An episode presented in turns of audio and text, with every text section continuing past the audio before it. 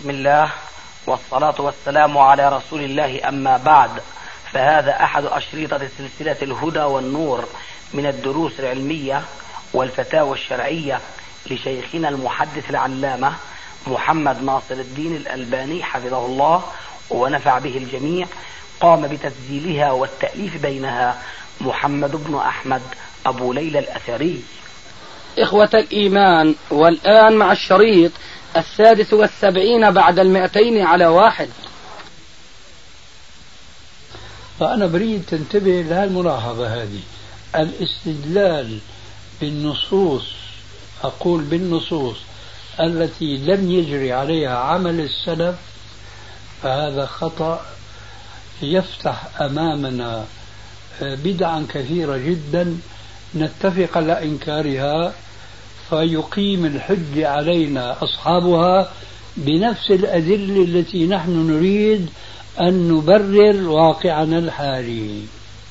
هذا فيما يتعلق بالخروج في سبيل الله هذا الخروج المعروف اليوم. لكن يا أستاذ ألا ترى معي أنه نرجع بقى للأمر المتفق عليه؟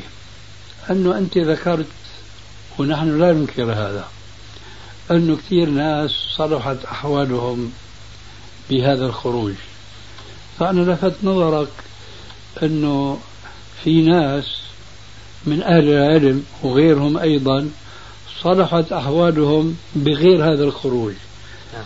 فألا ترى معي أنه بدل ما يخرج الفرد من هؤلاء الذين هم من عامة الناس. وبالتعبير السوري بدل ما يشنططوا يعني يبتعدوا عن بلدهم وأهلهم وإلى آخره أليس الأولى بهم أنه يجلسوا في بلدهم كجماعة يتكتلوا حلقات في المساجد يدرسون فيها القرآن يدرسون فيها السنة يدرسون فيها الفقه؟ أليس هذا أولى من هذا الخروج؟ هذا كلام طيب.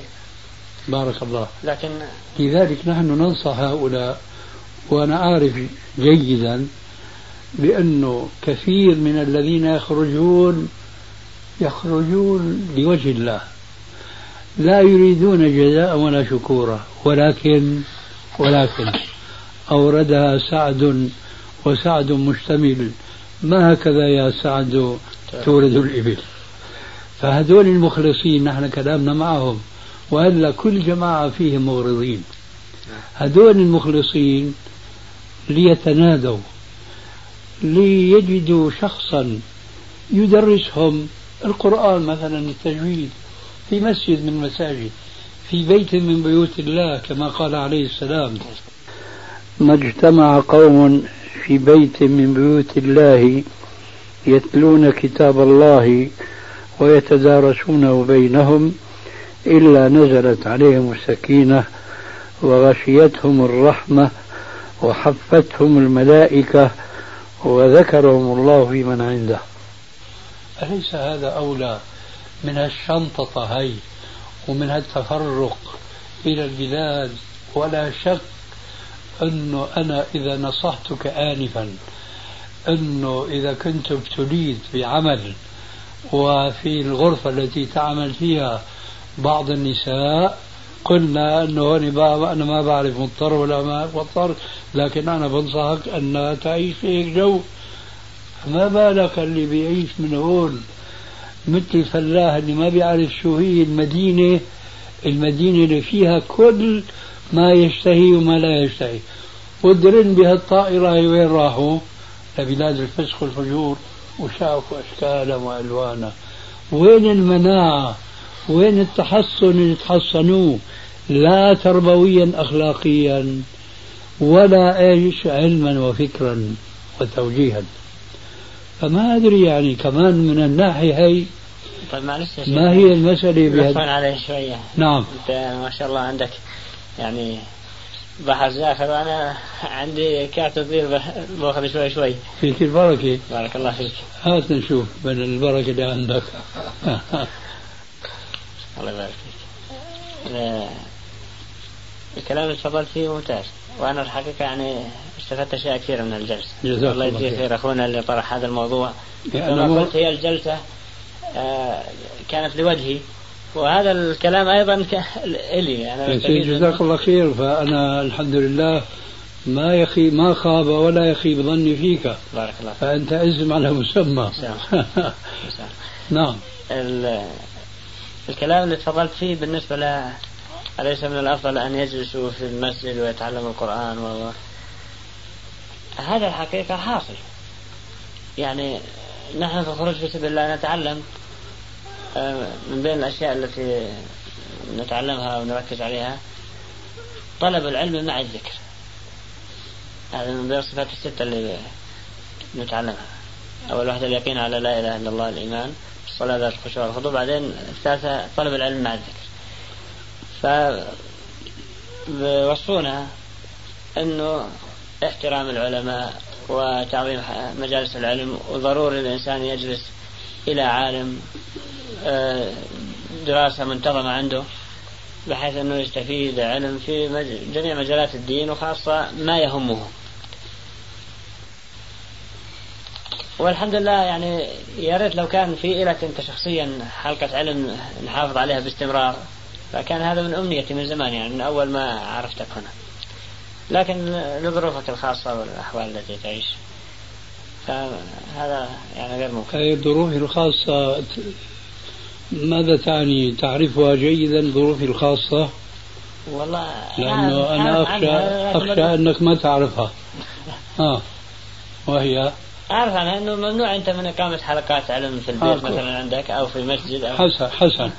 يعني هذا لأني لأنه أنا سمعت بعض الناس ليش الشيخ ما بيخرج؟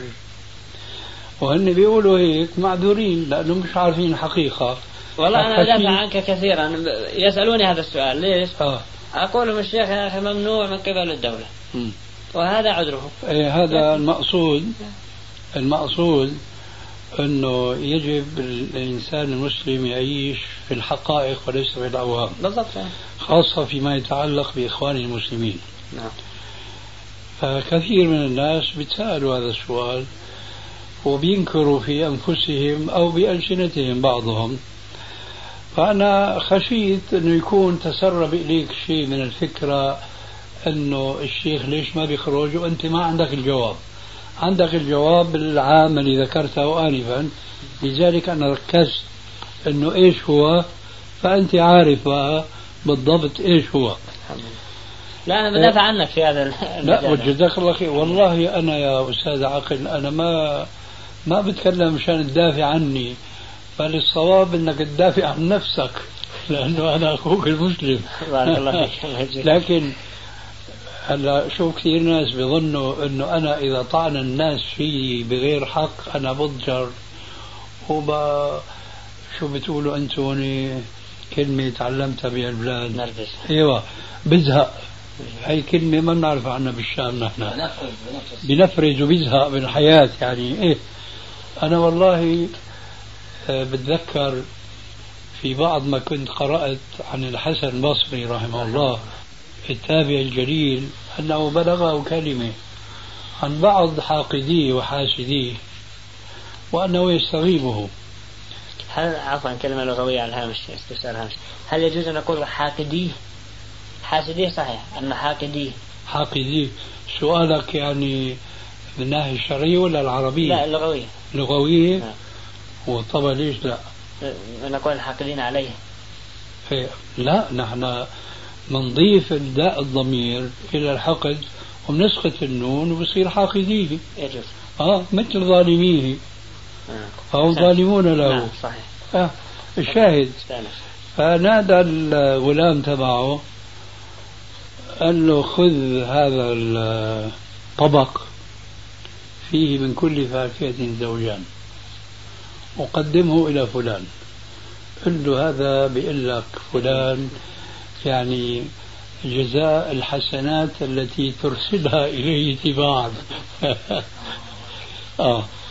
فأنا الحقيقة ما بتجر لنفسي من الناحية هاي لأني أنا كسبان. لو ظلمني إنسان وهذا موجود ماديا ماديا مو كثير بهم أن نحصل هذا الحق منه. لكن إذا طلب إيدي ما بقصر. أعطي بالك. نعم. لكن إذا احتاج الأمر إلى جهد كبير بقول الله حسيبه. ويوم قيامي الله راح يكفرني من تكفير سيئاتي على حساب إيش؟ حسناته هو. فأنا بكون الربحان يعني. فأنا مو قصدي إنه الجماعة يعني ما يتكلموا فيه لكن قصدي إنه هن ما يقعوا في الخطأ نعم. ما يقعوا في في الغيبة فأنا بفضل الله عز وجل لما كنت في دمشق بالرغم من شدة مخابرات علي واستدعيت مرارا وتكرارا إلى المخابرات وسجنت مرتين شهورا وإلى آخره ويرسل وراي بالشرطة وغيرها أنه ممنوع تخرج من دمشق في سبيل إيش؟ النشاط اللي بتعمله. وهذه كل الحركات من الشيوخ وليس من الحكام اللي نعم. دائما نحتاج عليهم انه بيحكموا بغير ما أنزل الله. مع ذلك فأنا كنت دائما أتمثل بالحكمة التي تروى عن معاوية بن أبي سفيان رضي الله عنهما. شو هي؟ قال لو كانت بيني وبين الشعب شعرة ما أتركها تنقطع. قيل, قيل له كيف؟ قال كل ما بيرخوهن بشد أنا. كل ما بشدوهن برخي. أنا. فما بخليها تنقطع. أنا كنت أمشي مع السياسة هي مع جماعة هناك. ممنوع تخرج بالبيت. البيد مفهوم؟ جمعة جمعتين شهر شهرين آخره حتى تصير القضية إيش؟ نسيا منسيا يلا بستأنف نشاطي من جديد. ورد بثور المشايخ وقدم الاستدعاءات وبالمناسبة على سبيل أولا عبرة وثانيا على سبيل النكتة. أنا لباسي كما تراني يعني ممكن نقول لباس عام الناس أو شعبي. مرة المفتي العام هناك مات إلى رحمة الله. آه، أرسلت إليه آه، استدعاء بيقولوا عنها بالشام مضبطة. من مفتي إدلب. إدلب تقع شمال سوريا غربها ما بين حلب واللاذقية. فأنا نقلت الدعوة من دمشق إلى حمص حما حلب واستقررت بهالمناطق هذه بعدين حولت غربا إلى إدلب واللاذقية. إدلب بدأنا نتردد عليها وصار الحمد لله تجاوب جيد طيب. تحرك المفتي ضدنا وأرسل إيش؟ مضبطة. إنه هذا رجل بيجي بيعمل فتن عندنا وبيقول كذا ويفعل كذا وإلى آخره نرجو منعه.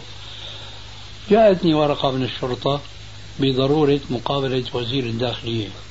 رحنا. بيستجوبني وزير الداخلية إنه أنت في عليك شكوى إنك بتروح لهذيك البلاد وبتعمل مشاكل وفتن والشعب انقسم قسمين وفعلا انقسم قسمين ناس بينصروا السنة وناس بينصروا البدعة وهكذا سنة الله في خلقه ولن تجد لسنة الله تبديلا بيقول هذا الوزير آه، لذلك نحن مضطرين مع الأسف أنه نبلغك أنه ممنوع تخرج من بلدك دمشق إلى هذيك البلاد. لأنه إجانا مضبطة وهي المفتي مفتي الجمهورية كلها بعد طلب وين الشاهد بقى الطلب نفي محمد ناصر الدين الألباني إلى الجزيرة. الجزيرة عندنا يعني منطقة جرداء قاحلة ما بين العراق وتركيا. أي نعم. آه، أولا وشيء هون الشاهد العبرة ونزع الكسوة العلمية ثانيا. شو مخمر هذا المفتي المسكين اللي ما عارف زمانه؟ شبه عمامه أنه شبه عمامه يعني. الشاهد والحمد لله يعني يعني لولا حزب البحث ومشايخ السوء كانت سوريا انقلبت كلها كتاب وسنة. كتاب وسنة. لكن لكل أجل كتاب فأنا الحمد لله يعني كنت نشيط هناك في الدعوة تماما. إجينا لهون. بدأنا نفس النشاط. إلى أن كان آخر اجتماع في بيت الشيخ أحمد عطية على السطح في صيف. ما بعرف دخلت بيت أحمد شفت السطح؟ نعم. واسع جدا يعني. نعم. خاص السطح بالرواد. بعد كم يوم بيجينا طلب للمخابرات إلى آخره وبعد ذلك نفي على طول الخط بدون إيش؟ مهل أنه الإنسان يغير أوعية على الأقل. نفونا إلى سوريا. وبعد بعد ذلك سافرت إلى بعض البلاد الأخرى هي الإمارات العربية. وقيت هناك ست أشهر. فيما بعد سمح لنا بالرجوع إلى هنا. وأسست بيت وأنفقت كل شيء اللي ادخرته للبناء هذا. بشرط بس ما في إيش؟ اجتماعات. لكن تبارك الله أحسن الخالقين. لو أنا أردت أن أخطط لهذا ما بيطلع بإيدي. أنا الآن أنا الآن جمعت كل همتي وكل نشاطي ما بقي من هذا النشاط في سبيل التأليف ونشر إيش العلم بدون إيش مواجهة ومش مقابلة. بواسطة الآثار والكتب. مثل ما أنت حضرتك هذيك الساعة؟ قلت آنفا كلمة طيبة. جزاك الله خيرا. فكتبي الآن في بريطانيا في ألمانيا في أمريكا في ها؟ في العالم كله. في العالم كله. وقريبا جاءني مكتوب من أمريكا. مترجمين كتابي آداب الزفاف إلى اللغة الإنجليزية. ومترجمين في تركيا كتابي حجاب المرأة المسلمة. وصفة صلاة وترجم في الهند أو باكستان ما أدري. تحذير الساجد مترجم إلى آخره. بأخذ منك إذا مسبق في هذا. كيف؟ أخذوا منك إذا مسبق في هذا. لا بس شو عم يصير؟ بعد ما بيجعلونا تحت أمر واقع و- و- وكتر خيرهم اللي بي- بيراجعونا بعد ذلك. أما في ناس إطلاقا يعني ما ما بيسألوا. ترجمة وظل معنا بقى بيتم ماشي يعني. وأنا موقفك منهم هذا؟ نعم. إيش موقفك منهم؟ آه أنا يعني موقفي تسامح أنا أنا كنت راح أقول لك شو موقفي. موقفي كنت ذكرته لمن كان يقوم على طباعة كتبي وهو المكتب الإسلامي في دمشق سابقا ثم في لبنان لاحقا. زهر شويش آه. آه قبل ما استوطن البلد هنا كنت أنا أتردد من دمشق لبيروت في 100 كيلومتر يعني. نعم. وعندي سيارة هناك لا بأس فيها كان. أه، حدثني ذات يوم لما رحت لعنده أنه هذا ال- المثري الكبير حسن الشربكي تسمع فيه؟ نعم، نعم، في نعم. جدة سعودي نعم. نطلع كتف الصابوني. نعم أيوة. أيوة أيوة تمام. هذا الرجل أه، طبع كتابي صفة الصلاة طبع منه أربعين ألف نسخة وكتب عليها يوزع مجانا. صاحبنا صاحب المكتب بده يقيم دعوة عليه لأنه طبع بدون إذن لا من المؤلف ولا من الناشر. ولا من الناشر. وبيعرف إنه القوة الأساسية من المؤلف إذا قدم اعتراض يعني. نعم. بعدين في الناشر. المنزل الثاني الناشر. قلت له والله يا أستاذ ما دام حاطط توزع مجانا أنا مالي كلام. بل أنا بشكر كل واحد ما بيتاجر بكتبي تجارة مادية وإنما يرجو أجر الآخرة فأنا شريك معه فيها. وأشكره على ذلك. أما يتاجر ماديا على كتافي أنا وكتاف الناشر فهذا هو إيش؟ الظلم بعينه لا نرضاه. لكن ما لنا حيلة ما بنقدر يعني نحط دأبنا بدأب السارقين وما أكثرهم في هذا الزمان. أظن أعطيتك جواب سؤالك ولا بقي شيء؟ أي جزاك الله خير. فالشاهد المنع من الدعوة فرض علي الجلوس هنا مشان تابع أنا مشاريع العلمية. خير. نعم. يا أستاذنا في استفسار كيف في استفسار تفضل تفضل. الله لا لا معلش تفضل. إحنا طبعا بنطالع مقدمات الكتب تبعكم. نعم. ونستفيد منها. فأحيانا بيجابهون الحاقدين واللي ضد الدعوة السلفية. بيقولوا إنه شيخكم دائما في مقدمات كتبه بيسب على العلماء ويعتدي عليهم ويجرحهم وكذا وكذا. فإحنا بنقول يعني هم بدوا بال بالسيئة وجزاء سيئة سيئة مثلها. فبقولوا يعني قدر الإمكان قد ما يكون مش بهذا العنف والشدة. فماذا نقول لهؤلاء الجماعة يعني؟ نقول لهم هل قرأتم كلمات أولئك على الألباني؟ ما طبعا. قرأوها. طبعا لا. أه بس بنقول له نحن هيك. وبعدين بتعرفوا إنه الالباني مقصر معهم. الله أكبر. الله أكبر على البشر. شو ظالم. آه. ظالم مبير. بيقول ابن القيم رحمه الله بيضرب مثال بسيط وجميل. بيقول إذا رأيت شخصين أحدهما يلحق الآخر يركض خلفه نعم. يريد القبض عليه والملاحق في يده عمامة غير عمامته نعم.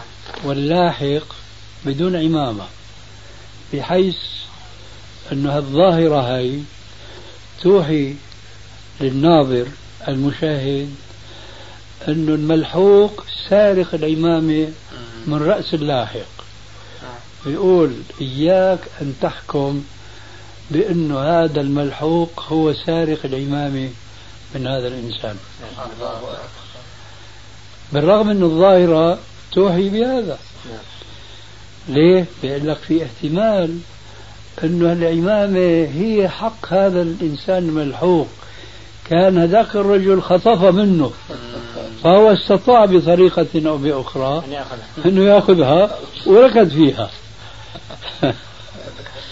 في كلمة للإمام علي أظنها إيه؟ منسوبة آه. أظنها منسوبة للإمام علي إيه. بن طالب رضي الله عنه إيه نعم. قال إذا جاءك واحد وحمل عينه بيده وقال أن فلان قلع عيني فلا تحكم له حتى ترى الآخر ربما يكون له عينين وقلع أي عينين. نعم هو هذا فعلا هو هذا. لكن أنا في لي نقطة يا شيخ. إيه بس احفظ سؤالك لأنه ملاحظتي سريعة لا تقل الإمام علي. ما شاء الله أنت لقطت على طول. أنا كنت بدي أسألك عن هذا التعبير هل هو ما شاء؟ الله. بس لا تقول إنه أنا من أهل الكشف. لا لا. طيب. آه. هذا اللي بدك تسأله؟ لا. إيه. نسيت. أنا في الاستفسار باقي تفضل. الله يجزيك فضلك بركي هو بتذكر بقى شو كان بده يقول. بالنسبة للخامس من الصحيحة والخامس من الضعيفة شو آخر ما توصلوا من الطبع؟ هو تحت الطبع. تحت الطبع. اي نعم. يعني الخامس من الضعيفة موجود عندي الآن هنا لأضع المقدمة. فقط لا غير. بس. آه. عفوا المقدمة وبعد الفهارس. هذا الفارق أما هو جاهز يعني. اي نعم. طيب بالنسبة لصحيح أبي داود التخريج. تخريج القديم يعني؟ نعم نعم. لا لسه ما خلص منه باقي تقريبا الربع أو أقل. مم. شوف هذا. ما في نية للطبع يعني؟ هذا كله. ما شاء الله. آه، نية الطبع يفكر فيها بعد الانتهاء من التأليف بعد الانتهاء. مم. طيب في طريقة التخريج تشبه الرواء الغليل؟ لا. أوسع؟ لا أقل. أقل. لو مثل الرواء الغليل هذا بمد لون ما شاء الله. أي نعم. آه. وإنما كل حديث تقريبا يأخذ صفحة من الصفحات هذه. مم. طيب آه، بالنسبة لصحيح أبي داود اللي يعطى للتربية. التحويل على التخريج. يعني بتحول لهون على نفس المصدر ولا على باقي الكتب زي آه، صحيح ابن ماجه وصحيح النسائي. ذاكر أنا بالمقدمة صحيح أبي داود هذا. نعم. أنه ما كان مخرجا هنا أكتفي بس بقول صحيح أو حسن. آه. مو أنه أن هذا ما انتهى لسه نعم نعم. لما وصلنا لأول حديث من. القسم اللي مو مخرج نعم. بيكون بقى العزو على الطريقة السابقة في كل على باقي المؤلفات. أي نعم. مطبوعة في المناطق هذه هون موجودة لا هي طبعت قديما جدا في دمشق. رسالة هي صغيرة. نعم. آه ما أدري إذا كان طبعت. ما عندي علم يعني الحقيقة طبعت ولا لا. طيب بالنسبة للتعليق على إزالة الدهش. آه ما أعرف وين صفيان. آه. ما عندي. ذكرت إن شاء الله؟ نعم. هذا إن شاء طالما أنت في مجال علم الحديث كمل اسئلتك وبعدين نرجع. أنا الله إذا عنده هذا. لا تطير عليك يا شيخ. لا معلش ما نحن قلنا هي جلسة لوجهكم. الله يبارك جزاك فيك الله خير. لكن إلى متى حدها بلاش نحرجك لحتى لحتى. تقولوا قطي قطي. بارك الله بارك الله فيك. بالنسبة- الله ذنبا قط. اللهم آمين. يا رب العالمين. في رسالة- ذلك. في رسالة للسيوطي. اسمها الشهاب الثاقب في ذم الخليل والصاحب.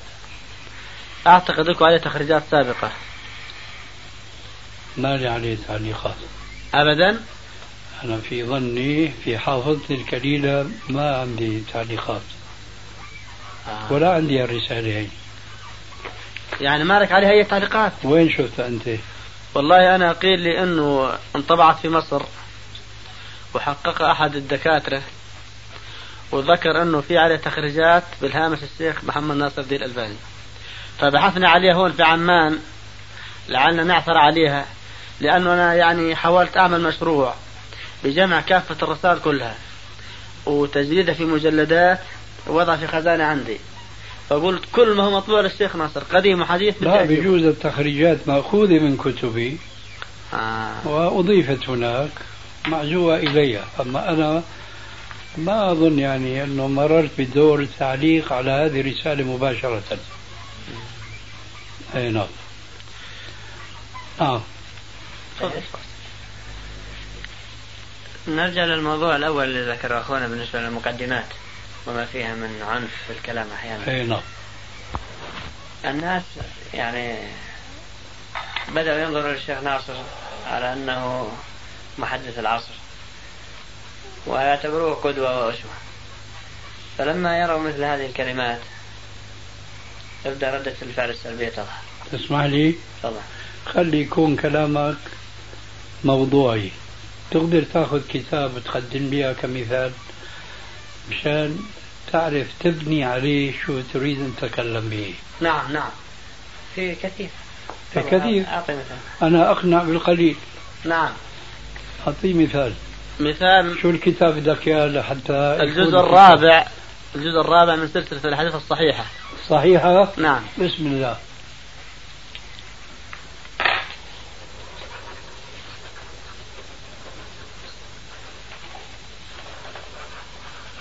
أو نأتي يا شيخ. معلش نعدل إذا أنت بإيدك ما بدك إياها تركنا. بدي مثلا مقدمة التنكيل. قدم التنكيل. طبع دار المعارف ها عندك يعني. كويس.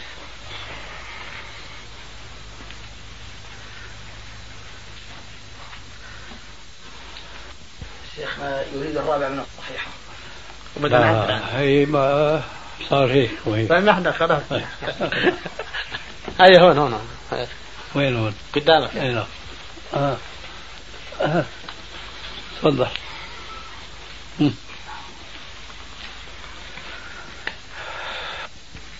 يكمل كلامك يا أستاذ عقل أيوه فاهم. ما يشوف المثال. لا أنا جاهز المثال.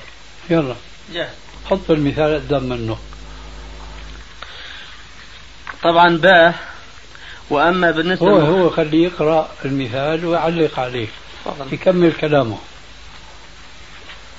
وأما بالنسبة للمخالفين من المعاصرين فليس لمخالفتهم عندي قيمة تذكر لأن جمهورهم لا يحسن من هذا العمل إلا مجرد النقل. وتسويد الحواشي وتحريز الأحاديث وعزوها لبعض. شيخ يريد الرابع من الصحيحة بدنا هي ما صار هيك. وين؟ سامحنا خلاص. هاي هون هون وين هون؟ قدامك. أي نعم آه. آه. تفضل.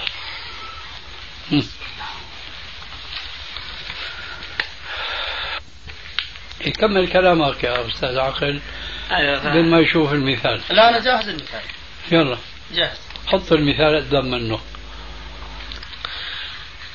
طبعا باء وأما بالنسبة هو هو خليه يقرأ المثال ويعلق عليه. طبعا. يكمل كلامه.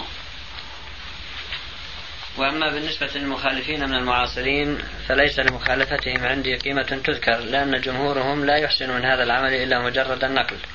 وتسويد الحواشي بتخريج الأحاديث وعزوها لبعض الكتب الحديثة الحديثية المطبوعة. مستعينين على ذلك بالفهارس الموضوعة لها قديما وحديثا. الأمر الذي ليس فيه كبير فائدة. كما كنت شرحت ذلك في مقدمة كتابي غاية المرام في تخريج أحاديث الحلال والحرام. بل إنني أرى أن مثل هذا التخريج لا يخلو من شيء من التضليل غير مقصود طبعا لكثير من القراء الذين يستلزمون مجرد من مجرد عزو الحديث لإمام لإمام أن الحديث مثبت ويزداد توهمهم لصحة الحديث إذا اقترن مع تخريجه القول بأن رجاله ثقات أو رجاله رجال الصحيح وهو لا يعني الصحة عند العلماء كما كنت حققته في مقدمة كتاب صحيح الترغيب والترهيب صحيح, صحيح الترغيب وغيرهما كما أنهم يتوهمون من قول المخرج في إسناده فلان وهو ضعيف أن الحديث ضعيف. وبين يدي الآن المجلد الأول من كتاب مختصر تفسير ابن كثير اختصار وتحقيق. محمد علي الصابوني فيه العجب العجاب من السرقة باسم الاختصار والتحقيق وليس فيه من التحقيق شيء. فإن الرجل ابتدع أسلوبا جديدا في ادعاء العلم وما ليس له منه. ذلك أن الحافظ ابن كثير في تخريجه لأحاديث تفسيره له طريقتان. كل هذا بدك تعلق عليه يا أستاذ عقل لا أنا الحقيقة كل هذا بدك تعلق عليه معناه بدك تعمل محاضرة. لا أنا ما أريد. إيه، قلت لك نقطة أهم نقطة من هالكلام. نعم نعم. وأنا ما عندي مانع الحقيقة. عفوا. أنا كنت بدي أحكي على كتاب واحد فقط. طيب احكي عن كتاب واحد. أخونا هو يعني طيب بس كفز أنت وجاب الدليل. أنا ما عندي مانع. تعني كتاب واحد من كتبي. أنا اللي كان في بالي آه، شرح العقيدة الطحاوية. طيب. وما فيه من هجوم على طيب أعطيك الشرح العقيدة الصحوية أبي غدة. خلينا نقرأ كلمة أخونا اللي بده إياها الآن. وهو في قول هذا أفاك كذاب. وهو إيش القول؟ عن الصابوني إيش قال؟ وهو في قولي هذا. شو قال يا أستاذ عقل؟ لما أنه طرح آه، فجاء هذا الرجل الصابوني إلى هذه الأحاديث التي سكت عنها ابن كثير فاعتبرها صحيحة بإراده إياها في مختصره وتصريحه في مقدمته بأن اقتصر فيه على الأحاديث الصحيحة وحذف الأحاديث الضعيفة كما حذف الروايات كان الإسرائيلية. تكمل القراءة أنا عم أسألك وهو اسم الإشارة في كلامي أنا راجل وين؟ وهو في قوله هذا إيش هو قال؟ الحقيقة هو بيقدر يجاوبك عليه لأنه هو ذاك الموضوع. إيش؟ يعني المقصود في قول اللي فهمت علم الكتاب. يا أخي مش فهمت سمعني. وين راجع الكلام؟ وين راجع الضمير؟ في قوله أنت عليش استندت يعني المختصر لا يروي الحديث المتناقضة ويستبعد الحديث الضعيفة أو الموضوعة. طيب بعدين كمل كلام. وفي قوله هذا فاكم آه. كذاب عرفنا. فقد درست كتاب هذا. خلاص خلاص. آه. شو انتقادك؟ الانتقاد كلمة كذاب فهي فاكم كذاب. أفاك كذاب يعني أفاك كذاب فعلا. لكن أنت تعرف هو بيعرف ما بتعرفه عرف شو سوى الرجل؟ أولا راح أقول لك هو أجهل من أبي جهل في علم الحديث. هاي أولا. ثانيا ثانيا ابن كثير بيذكر حديث فوق وبقول رواه الترمذي ماذا فعل هو؟ في مختصره جاب الحديث وشال كلمة رواه الترمذي أحمد وأبو داود وآخره حتى وين؟ بالهامش. تحت بالهامش. نعم. أنت وهو البشر كلهم عم يضللهم أنه أولا هذا التخريج هو شغله. نعم. بينما هو مو شغله. ما سوى شيء. ها؟ ما سوى شيء. مجرد أن أزاله من هنا أزاله بس من هنا غير شكل. وأنا بقول عن أمثال هؤلاء تغيير شكل من أجل الأكل. لكن الأكل ما تفهمه مادي. كمان معنوي. معروف معروف آه كويس. بعدين في المقدمة حاطط أنه هو أورد الأحاديث الصحيحة فقط. وتنكب الأحاديث الضعيفة اللي موجودة وين؟ في تفسير ابن كثير. وهو كذاب. ليه؟ لأنه هو أولا لا يستطيع أن يميز الصحيح من الضعيف. أولا. لأنه جاهل بهذا العلم تماما. ثانيا الواقع يشهد أنه أورد في هذا الكتاب أحاديث كثيرة جدا. ما هي صحيحة؟ ولعلك تجد وهذا هنا صحيح صحيح أمثلة كلامك صح. نعم؟ وأنا بنفسي يعني طيب. فالآن أنتم ترون من الحكمة والسياسة الشرعية أنه ما نطلق على هذا الإنسان كلمة كذاب.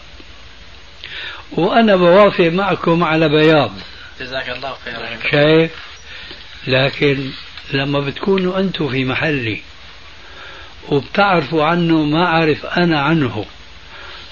حينئذ حيتغير جوابي معكم وراح يتغير موقفكم مني. هذا رجل بضللنا وبيقول عن السلفيين السلفيين بأنهم سفلة. كثير بقى علينا نحن نوصف بما فيه وهو بهتنا وافترى علينا بما ليس فينا. لكن هل مدى المغراية ما بيعرف شو الحكاية. هل بيشوف هذيك الصورة اللي قدمنا لكم إياها؟ شخصين اللاحق نعم نعم والملحوق نعم, نعم. بيقول هذا حرام عليه يلحقه إلى آخره. لكن الحقيقة أنه هذاك مظلوم وهذا ظالم. القضية هكذا بارك الله فيك. أنا والأسلوب الحسن نكمل كلمتي إذا بتريد. الأسلوب الحسن هل يقف به كثير من الدعاة اليوم عنده؟ إنه يقترن مع اللين لأنه الرسول قال بحق المؤمن هين لين بحق. لكن المؤمن كمان شديد. الرسول كان لا يقف أمامه شيء إذا انتهكت محارم الله. الرسول أنتم بتعرفوا لما وقف يخطب في الصحابه فقام رجل وقال له ما شاء الله وشئت يا رسول الله. قال أجعلتني لله ندا. قل ما شاء الله وحده. غضب الرسول عليه. ليش عم يغضب عليه؟ لأنه تكلم كلمة تكاد السماوات يتفطرن منه. وتنشق الأرض وتخر الجبال هدا أن دعوا للرحمن ولدا. أجعلتني لله ندا. علما أن هذا الصحابي ما أساء إلى الرسول عليه السلام. هو ما أمن بالله ورسوله. نعم. لكن الكلمة هاي لا تطاق أبدا. هذا الإنسان ما بتعرفوا أنتم شو موقفه من السلفيين؟ أكيد يعني. أكيد ما بتعرفوا. أنا عارف وإلا لو بتعرفوا أنا عارف عنه بعض الشيء ليس كل لو بتعرفوا حقيقة أمر هذا الرجل ما تقفون عند هذه الكلمة. علما أن هذه الكلمة ما تمسه في عقيدته ما تمسه في دينه تمس تمسه فيما يتعدى على سنة نبيه. فهو كذاب وأفاك فعلا. التهاون مع هؤلاء الناس هذا يعني فيما نعتقد نحن خلاف السنة. السنة ما بتمشي دائما مسامحة ومسامحة ومساهرة ومساهلة لابد أحيانا إيش؟ أن يستعمل الإنسان الشدة فيما إذا كان المقصود من وراء ذلك هو الانتصار لحرمات الله تبارك وتعالى. آه، خطأ كبير جدا أن يقال فلان كاذب وهو صادق. نعم. فضلا أن يقال فيه كذاب أفاك لكن أنتم ما تعرفوا مع الأسف الشديد كم أساء إلى السنة بأن أورد في مختصره كثير من الأحاديث وبعضها ضعفها ابن كثير نفسه لكن هو لجهله بهذا العلم توهم أنها تقوية للحديث فأوردها في الكتاب. يعني هو أنا مقتنع أنه مخطئ. وأنت تقول أنه توهم. فالتوهم لا أنا أنا بقول توهم؟ لا لا قلت. كيف توهم؟ كيف؟ معليش. اشرح لي بأي مناسبة قلت توهم؟ الآن أنت قلت أنه ذكر هذه الأحاديث وتوهم أنها صحيحة. أنا عم أقول لك بناء على جهله. آه بناء على جهله. طيب. نعم. لكن يعني, لسوء يعني أنه ليس عامدا في وضعها على أنها صحيحة وهي غير صحيحة. عجيب والله هلا في إنسان بيتعمد من عامة الناس إنه يجيب حديث بيعرف إنه كذب ويقول قال رسول الله؟ طبعا لا. في الوضاعين كيف؟ مش كانوا أما أولا الآن من عامة الناس. لا طبعا. الوضاعين طبعا لهم حكم ثاني لكن هل يوجد الآن هذول الوضاعين كمان هون بيفتح لنا بحث في الموضوع. الوضع بيكون عن عمد وبيكون عن خطأ. صح ولا لا؟ طيب. ماذا يقول علماء الحديث عن الذين يضعون الأحاديث خطأ؟ بيقولوا عنه صادق؟ لا. شو بيقولوا؟ غفلة. بيقولوا عنه كاذب. وإذا, ك... وإذا كثر وضعه قالوا أيضا كذاب. ووضاع وإذا تيقنوا أنه يتعمد ذلك يقولون كان يتعمد الوضع كل شيء له ميزان عندهم. فأنا بقول الآن الأحاديث اللي أوردها في مختصره ما معني الأحاديث الأخرى اللي سكت عنها آه ابن كثير؟ جبت مثال أنه بعض الأحاديث اتكلم عليها ابن كثير وكلامه يعني الضعف فهو توهم من هذا الكلام بسبب جهله بالحديث أنها صحيحة. فأنا عنيت الأحاديث اللي تكلم فيها ابن كثير لكن الأحاديث اللي اللي ابن كثير وهذا أكثر الموجود. بيقول قال الإمام أحمد حدثني فلان قال حدثني قال رسول الله صلى الله عليه وسلم. وسكت ابن كثير. إجا هو حطه في في المختصر على أنه حديث صحيح. منين إجا هذا الصحيح؟ وهم. منين إجا الوهم؟ من جهل. إيه فإذا الجهل هذا يعني يعتبر أنه ما بيستحق أن يقال له كذاب. بيستاهل صحيح. متعدي يا أستاذ ومتعدي على هذا بيستاهل صحيح. أنا معك أنا معك في هذا وبأيدك تماما. طيب. لكن أنا لا أريد أن يكون هذا الكلام على صفحات الكتب. لا. يقرأه العام عوام الناس و كل الناس. يعني لو كانت على رسائل بينك وبينه مثلا. لا لا أنا أريد خلاف ما تريد. طول بالك أنا أريد يا أستاذ هلا مشكلة عامة المسلمين هو أنهم اغتروا بعلمائهم الذين يظنون أنهم علماء. أظن بتوافق معي بهالكلام هذا. أنا معك. طيب. فكيف يكون تنبيه هؤلاء الناس بيني وبينه؟ وهو ما عم يدجل على الناس خذ عبارة جديدة. ما عم يدجل على الناس بينه وبين شخص عم يدجل على العالم الإسلامي كله. وأنا من جملة ما انتقدته وهي الكتاب تبعه موجود مختصر ابن كثير. على الوجه الأول. جايب أحاديث أظن منها أشراف أمتي حملة قرآن رواه البخاري. كذب. وهو حديث ما أذكر الآن بالضبط ما في ضعيف موضوع هو موضوع. شايف؟ وقال شو رواه البخاري. هذا لا يطاق يا أستاذ. ولا يكفي أنه بيني وبينه. يجب أن أنشر أنا حقيقة هذا الإنسان على الملأ حتى يأخذوا حذره منه. هذا كذاب وأفاك ومعتدي على حديث الرسول عليه السلام ويدجل على الناس ليقال إنه عالم الحديث. بعدين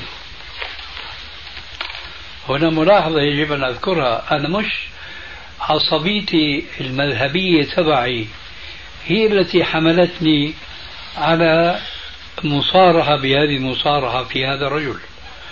فعندنا ابن بلدنا وسلفي مثلنا وبتعرفوا يمكن وهو نسيب الرفاعي.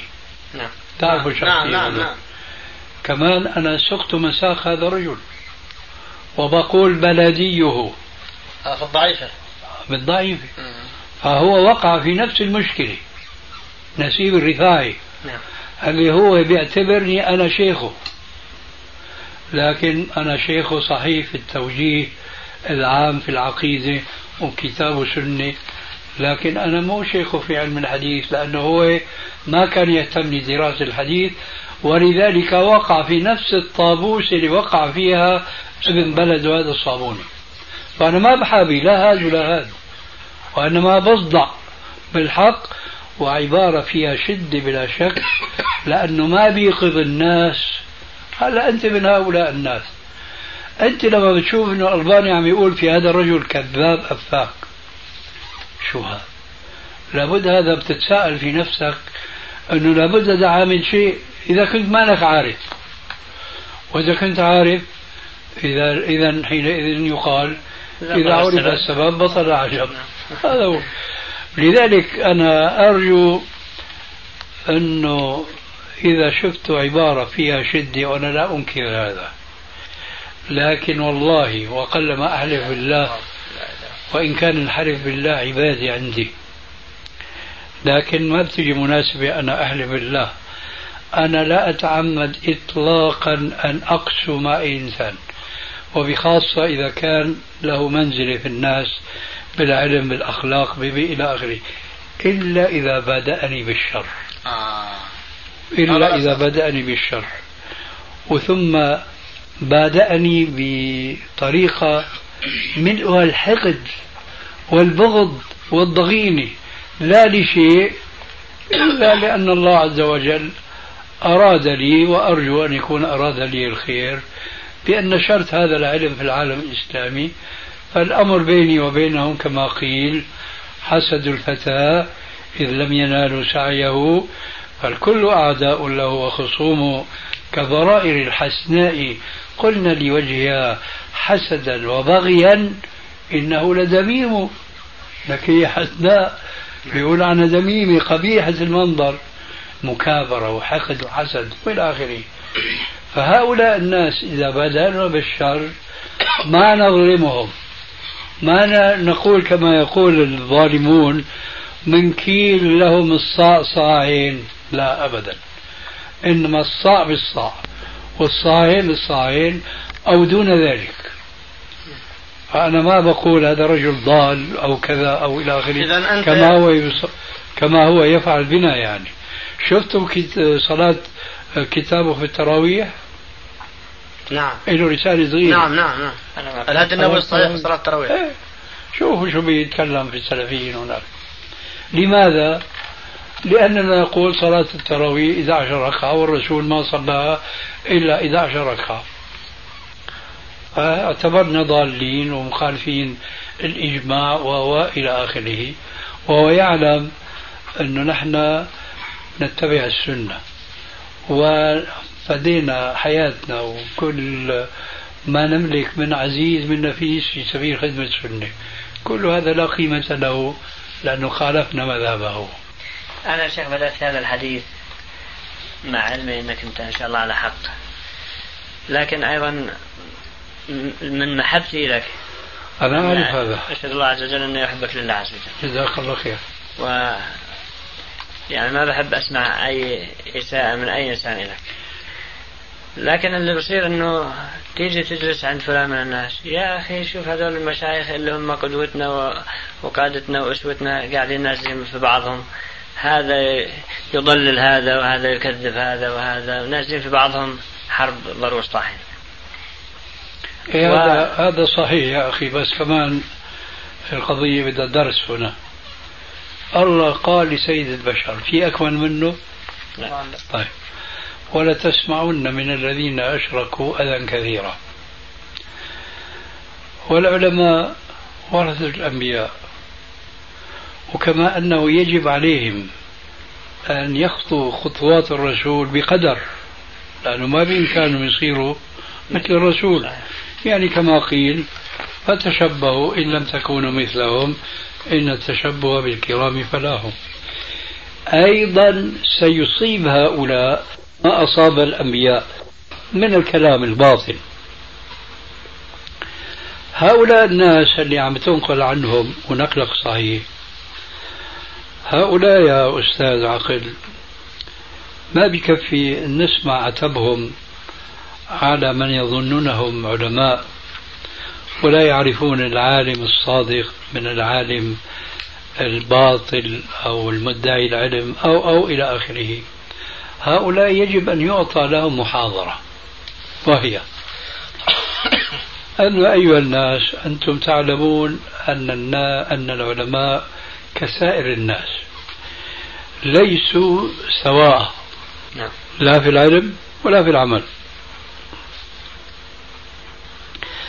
فحينئذ عامة الناس لا يجوز لهم أن يتأففوا من كل متكلم في غيره من أهل العلم وإنما عليهم أن إذا أرادوا أن يكونوا محققين ومنصفين وهذا أنا بقول لك ما بيطلع بإيدهم. لكن إذا أرادوا أن يكونوا كذلك فعليهم يشوفوا مين البادي مين اللي ضرب الثاني الكف الأول. وقام الثاني ورد الكف بكف. هل شاف الكف من الثاني؟ بيقول عنه هذا إيش؟ ظالم. لكن لما بيعرف إنه في كف صادر من المكفوف إذا صح التعبير حينئذ بيزول إيش؟ استنكاره. آه. وهذا مثال هو بيمثل واقع الناس اليوم. لك يا أخي شوف شو عم يقول ألباني. لك يا أخي شوف شو قال هذاك شوف شو قال في الألباني. شو قال بحديث الألباني بحديث الرسول عليه السلام إلى آخره. أنا بقول لك ما بإمكانهم. إذا اسكتوا يا جماعة. ما دام ما بيطلع بإيدكم وفعلا ما راح يطلع بإيدهم ولأنه ما بيطلع بإيدهم بيتكلموا هذا الكلام. يا ترى هلا هن لما بيتكلموا هالكلام هن مصيبين شرعا ولا مخطئين؟ هن مخطئين بلا شك. طيب حينئذ واجبنا نحن أن نبين لهم هذه الحقيقة. يا جماعة أنتم لما بتقولوا هذا الكلام ما سلم منكم لا العالم المظلوم ولا العالم الظالم. كل مثل ما لديك التركي هبسي بربر. كله مثل بعضهم عندك. لا الواقع مش ممكن يكون كله مثل بعضهم. صح ولا لا؟ صحيح. إذا بدنا نقول لهم أنتم أنتم ظلمة أما تظلموا أنفسكم بالإعتداء على كافة العلماء شوفوا شوفوا شلون بيطعنوا في بعضهم البعض. طيب شو بتريد يعني؟ ما يكون في علماء على وجه الأرض؟ لا بس لازم يكونوا علماء عاملين بعلمهم. على الرأس والعين هذا كلام صحيح. بس يا ترى أنت بيطلع بيدك تميز العالم بعلمه. وغير العالم بعلمه. في مسائل الخلاف لا. في مسائل الخلاف نحن بنقدر نميز إنه هذا زوجته متبرجه والله هذا مو عامل بعلمه. هذا زوجته زوجته متحجبة. والله هذا عامل بعلمه. لكن لا في هالمسائل اللي عم يستنكروها. شوف العلماء شلون بيطعنوا في بعضهم البعض. شوف شلون بيتكلموا. إيه بيطلع بيدك تعمل تحقيق امسك. الكتب. ما بيطلع بيدك روح عند الشيخ الألباني هل لي الله بلاك تشوف كلامه في زيد من العلماء اللي أنت سمعت باسمه. قال له ليش أنت هيك عم تتكلم بيعمل لك مثل ما شايف محاضرة الشيخ الألباني. ما بيقدر لا يصبر عليها ولا بده يسمعها وبعدين بيطلع بنتيجة ولا ما بيطلع الله عليه. إذا اسكتوا يا جماعة إن كان الكلام من فضة فالسكوت من ذهب. هذول إذا يحتاجوا لدرس يا أستاذ. بدهم درس طويل صحيح. ها؟ لكن أليس من الأولى أن نخفف شوية الحدة؟ بحيث أنه هذه ليست حدة يا أستاذ سامحك الله. يعني من باب حديث ليست حدة. من باب الحديث ولا أدري إذا كان حديث صحيح أو لا. الحدة الحدة أنا راح أمثل لك إياها بقصة أنا بحكيها لإخواننا دول هل الله بلاهم أنه يجلسوا معنا كثيرا؟ ونعمة البلوى. آه. آه، زعموا بأنه التقى آه، مغربي مع سوري؟ عرفتها؟ السوري يثني على المغاربة بأخلاقهم وكرمهم و و و وإلى آخره. أي بس بس قال فيكم وحدة. هو سمع الكلمة قال له شو اللي هي؟ قال له هذه هي عرف شو النكتة؟ قال له شو هي؟ شنو هي؟ هي تعبيرهم قال له هذه ليش صرت أول ما سمعت كلمة ما عجبتك؟ اسمع أنت يا حق يا باطل والله فيكم وحدة بس شو هي؟ سريع الغضب والله صحيح هذا هي هي دليل لسه ما سمع الكلمة هي فيكم وحدة بسرعة رأسا ثار هذه الحدة بارك الله فيك. أما أنا صحيح أنا أشخر ولا مؤاخذة مثل حكيتك لكن مثل ما أنت مالك صاحب حدة وأنا مثلك ويمكن زيد عليك شوي. ليش؟ لأنه سني أكبر تجاربي أكثر وإلى آخره. يعني ما عندي حدة. الحدة إن كانت انطفت بهالإيش؟ بهالسنة مع ذلك مع ذلك فأنا ما لي حديد المزاج أبدا. كثيرا ما أسمع كلمات وهذا الرجل بيحضر جلسات ومناقشاتنا مع الناس أشكالنا وألواننا. شلون عم أحكي معك أنت وأنت حبيبنا وصديقنا؟ كذلك مع خصمنا اللدود وهل عم يصيح ويثور إلى آخره. وأنا كما تراني الآن ما لي حديث ولكن شو بيقولوا؟ في بيت شعر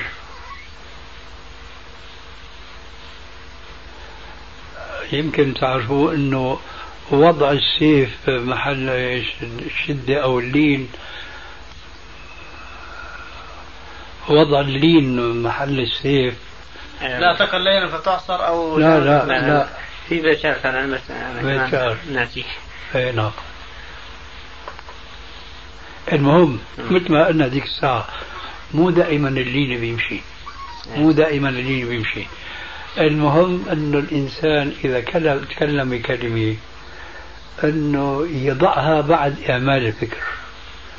مش تجاوبا مع الحدة مش تجاوبا مع الثورة. لا أنا والحمد لله هذا الفضل من الله. ما في عندي هذا الشيء.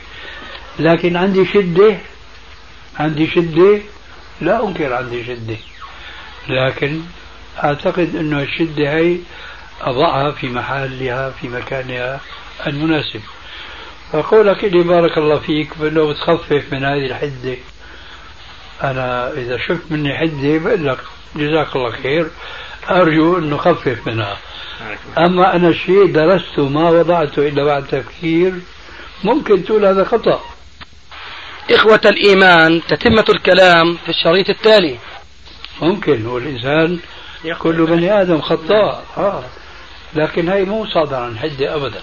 هي هو مثيلاتها. يمكن أنت شفت وين؟ يمكن في آداب الزفاف. نعم. في آداب الزفاف. مصري اسمه محمد سعيد. نعم نعم إيه, إيه. قرأت كتابه. قرأت قرأت كتابه. هذا ليش تنبيه تنبيه المسلم. المسلم تعدل مسلم إيه شايف نعم. شايف العنوان يا أستاذ؟ محمود محمود سعيد. آه محمود. ممدوح يمكن. تنبيه المسلم إيش؟ إذا تعدل البان على صحيح مسلم. الألباني تعدى على صحيح مسلم. هذا الاسم وحده عنوان الكتاب. يكفي أن الألباني يثور ويخور وإلى آخره لكن لا. أنا سمعت ودرست كتابه ورديت عليه في بعض الجمل ومن جملتها أنه أنت يا رجل ألفت هذا الكتاب بزمان وبعث لي مكتوب. هو نفسه. هو نفسه. والله أنا نسيان هذا المكتوب ولا عارف مين المرسل له لكن تبارك الله أحسن الخالقين. يعني